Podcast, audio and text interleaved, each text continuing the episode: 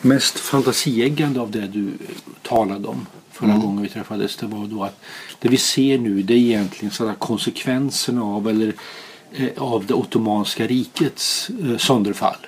Mm, kan, kan, du förklara det?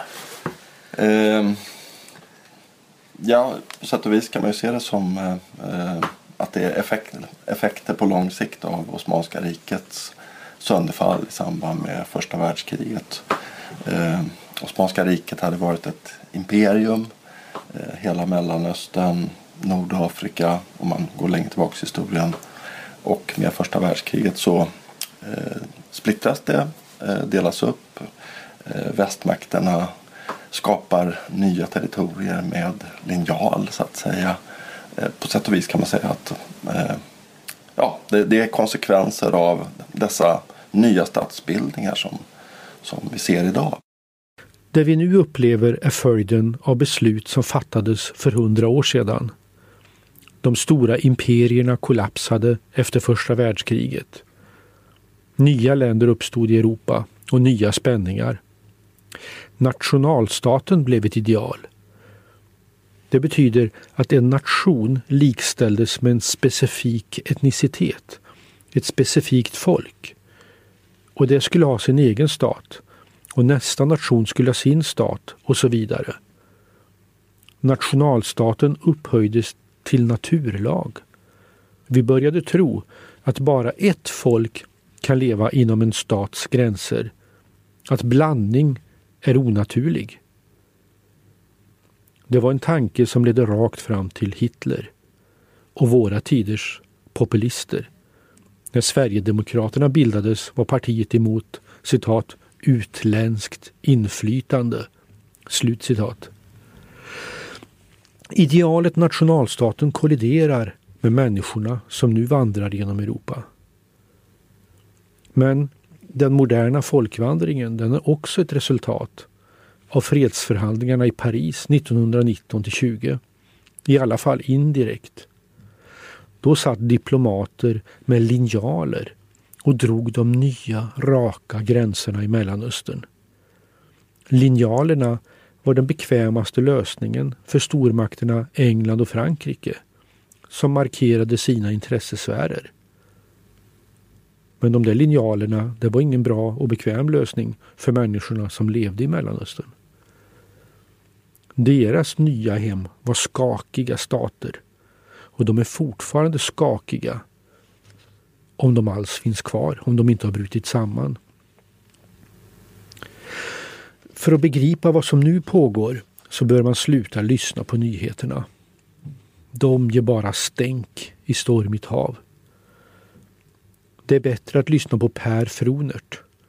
Han är docent i historia på Stockholms universitet och har en liten modul på nionde våningen i D-huset. En byggnad uppförd i ångestfunkis på 70-talet men som ändå blir trivsam tack vare studenterna och deras lärare. Jag har bett honom svara på en fråga. Har det någonsin förekommit en sån flyktingström i fredstid förut? Fronert ger ett aningen blygt intryck. Han är generös och har lagt ner tid på svaret och skrivit ner sina tankar på ett A4-papper. Fredstid, säger han. Konflikten i Mellanöstern är nära. Är det krig i Mellanöstern så påverkar det även oss.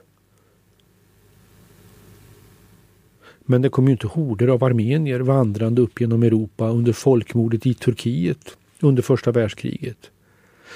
Det är de nya transportmedlen som gör flyktingströmmarna möjliga. Moderna transporter och en värld mentalt förenad av internet. När du säger skapade gränser med linjal, vad, vad, syftar du på då? Ja, om du tittar på gränserna till exempel till, till Syrien då. Det är ju sådana gränser i, i öknen. Eh, Transjordanien, Jordaniens gräns, eh, Iraks gräns. Eh, det var alltså statsbildningar som inte hade funnits tidigare utan som skapades eh, av segrarmakterna. Och de var, var, ju länge, så att säga, stod ju under formellt sett under Nationernas förbunds beskydd men i praktiken så var det ju Frankrike och eh, Storbritannien som, som eh, stod som liksom, garanter eller ockupanter, hur man nu ska uttrycka det. Om man ändå insisterar på ordet fred. Finns det länder som har välkomnat hundratusentals eller miljoner flyktingar i fredstid? Grekland hade en befolkning på fem miljoner och tog 1923 emot en och en halv miljon greker från Turkiet. Och samtidigt kastade Grekland ut sina turkar. Det var den första befolkningstransfern i modern tid, säger Fronert. Ernest Hemingway beskrev en skärva av katastrofen i novellen På kajen i Smyrna. Det är fantastisk skönlitteratur i journalistisk form. Per Fronert säger och så har vi de 12 till 14 miljoner som kom till Västtyskland efter andra världskriget. Men de var förstås också tyskar, landsmän som flydde till landsmän. Förutsättningarna är alltid olika, säger Fronert. Många är pigga på att använda liknelser mellan historiska skeenden, men det är vanskligt. Varje situation är unik. Efter första världskriget och slakten på västfronten ville Frankrike ha invandrare. Landets unga män hade dött på slagfälten. Nationen behövde nytt blod. Frankrike hade en befolkning på 40 miljoner och tog emot 3 miljoner ryssar, armenier och östeuropeer. De var välkomna. De behövdes. Men 1929 utlöstes den ekonomiska världsdepressionen och i massarbetslöshetens Europa var invandrare inte längre populära. Och ändå blev migranterna fler och fler. Politiska flyktingar, judar. De kom från Tyskland och Italien. Arthur Köstler skrev en lysande reportagebok om sin egen flykt. Och vi som älskade Frankrike heter den. Han tillägnade boken namngivna vänner som i hemlöshetens förtvivlan hade tagit livet av sig. Per Fronert säger Invandringsfrågan blev stor och Frankrike var på 1930-talet ett land i konvulsioner. Efter kristallnatten 1938 kom en ny våg från Tyskland och Österrike.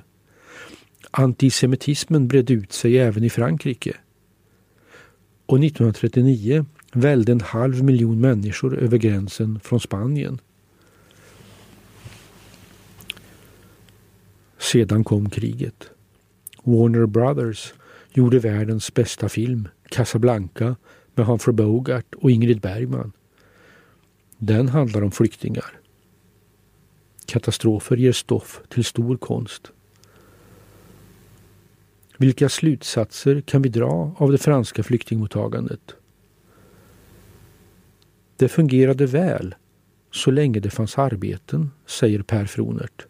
Spänningarna kom med depressionen. Och en annan sak. Vår tid är verkligen unik. Europa har aldrig haft så lång period av fred som den efter andra världskriget. Och så börjar en folkvandring som får hela bygget att knaka. Människor flyr undan krig och sammanstörtande stater. De vandrar upp ur Europas eget förflutna.